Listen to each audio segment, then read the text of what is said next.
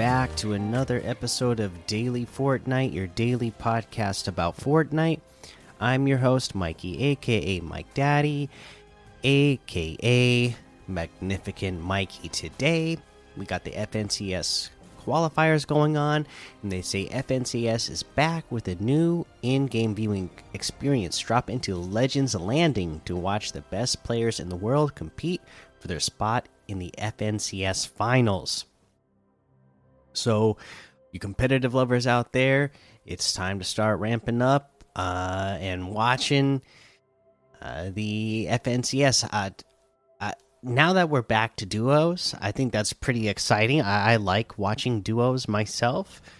Um, you know, and uh, it's, it's I haven't been following competitive as much uh, the last couple of seasons, but uh, you know, I'm hoping that I can at least uh, get some chances to uh, tune into some of these uh, qualifiers and, and check it out and see how how it, especially now that we're in a new chapter. Uh, you know, this is the first FNCS that we've had since this new uh, new chapter, so I, I really want to see how players are. You know, the best players in the world are going to play uh, on this map and with the current meta that we have. Okay. Uh, let's see here. Uh, the other piece of news we're going to cover today is creative update from a couple of days ago because we haven't covered the creative side of things yet. So let's get into that. The Fortnite Creative version 19.30 update. The version 19.30 update brings the new Fire Volume device, an update to turn on any prop into a resource node, along with the HUD controller and new teleport linking options creators. Remember, the Fortnite Creative documentation site is updated every patch with additional details, use cases, and thought starters for newly released and updated devices. Game mode select screen removed. Uh, we went over that in the other post. New Fire Volume device. After the release of Fire into Creative in the version 19.20 update, you ask for more control over the flames. The fire the the first iteration of what is now here with the release of the fire volume. With the fire volume, you can override island wide fire settings in a localized area, as well ignite or extinguish fires inside the volume via channels. Update Prop Manipulator Resource Node. We've added new features to the Prop Manipulator which allow you to turn any prop into a resource node for any type of resource. You can choose the type of resource to grant when the prop is hit, including the option to add your own items to the device. A rock that gives mushrooms when you hit it? Sure, why not? You can also choose to have the node restock after a delay or gradually over time. Update the HUD controller. The HUD controller now has team and class support, allowing you to create different HUD setups for each individual team and class, ideal for asymmetric game modes or contextual HUD layouts. Want to hide the HUD just for players in a specific area? Now you can set everyone in the area to a specific class and then change the HUD just for them, leaving everyone else in the game unaffected. Update Teleporter linking. Teleporters can now be linked together, allowing or two way travel. This can be used along with the randomized teleport targets to create a different every time map with map layout which is random when a player first goes through the teleporter but then remains constant for the rest of the game or until the link is broken via channels. Other feature updates class support has been added to the beacon device.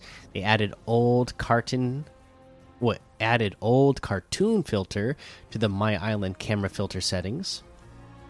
Prefab and gallery updates. They added the resources gallery, a variety of new save the world props that work nicely with some of the consumable resources, and they added some new basketball assets to the sports gallery.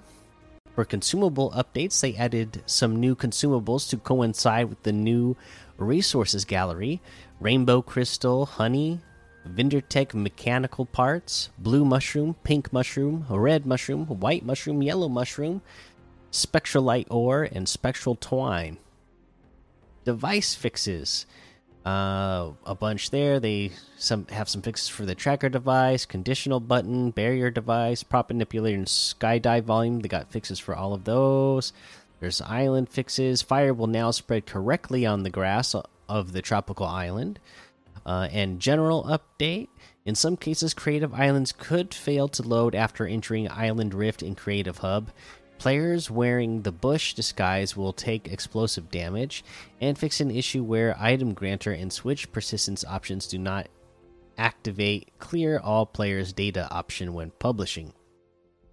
For UI updates, they updated some of the icons for devices, the customizable lighting, the down but not out device, elimination manager, the HUD controller, race manager, race checkpoint, and save point and uh, UI fixes as well. And that is your version 19.30 creative update. So get in there and create.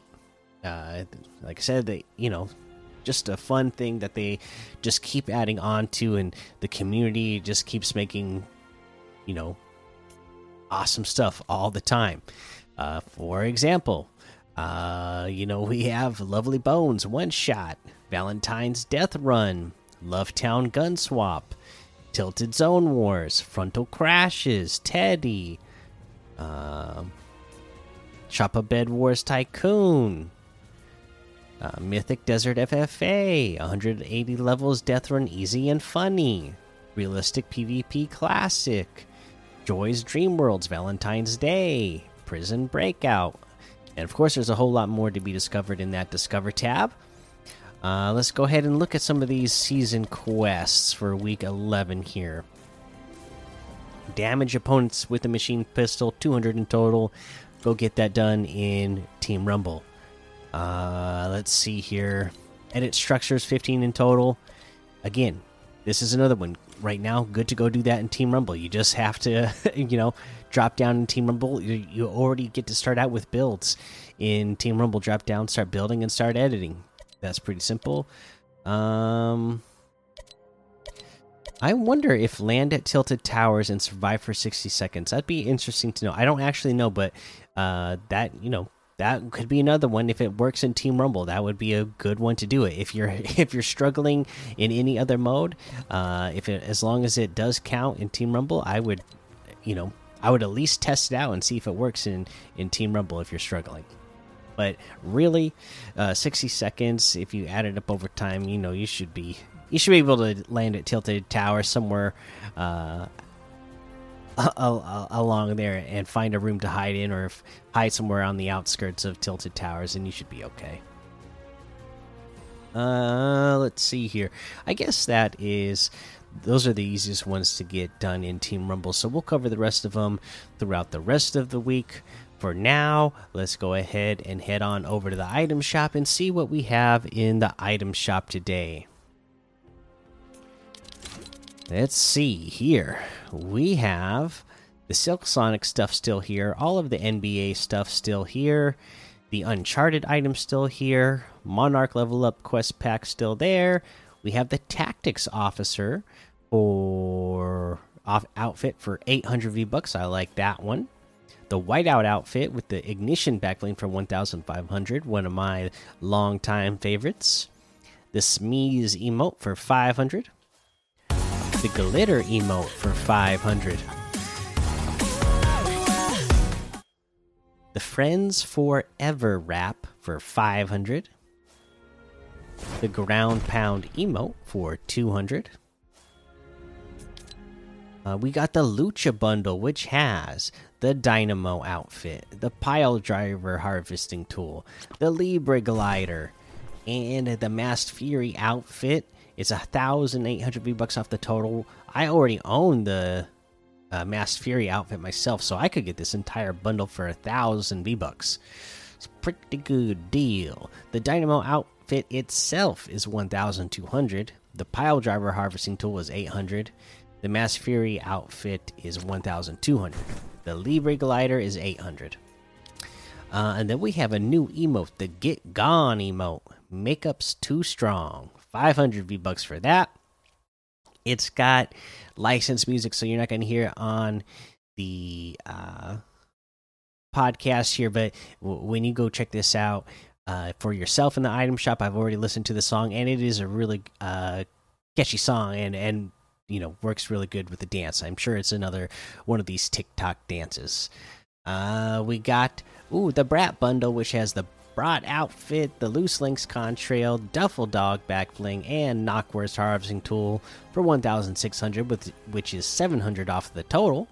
The Brat outfit with Loose Links contrails 1,200. The Duffel Dog back bling is 300. The Knockwurst harvesting tool is 800.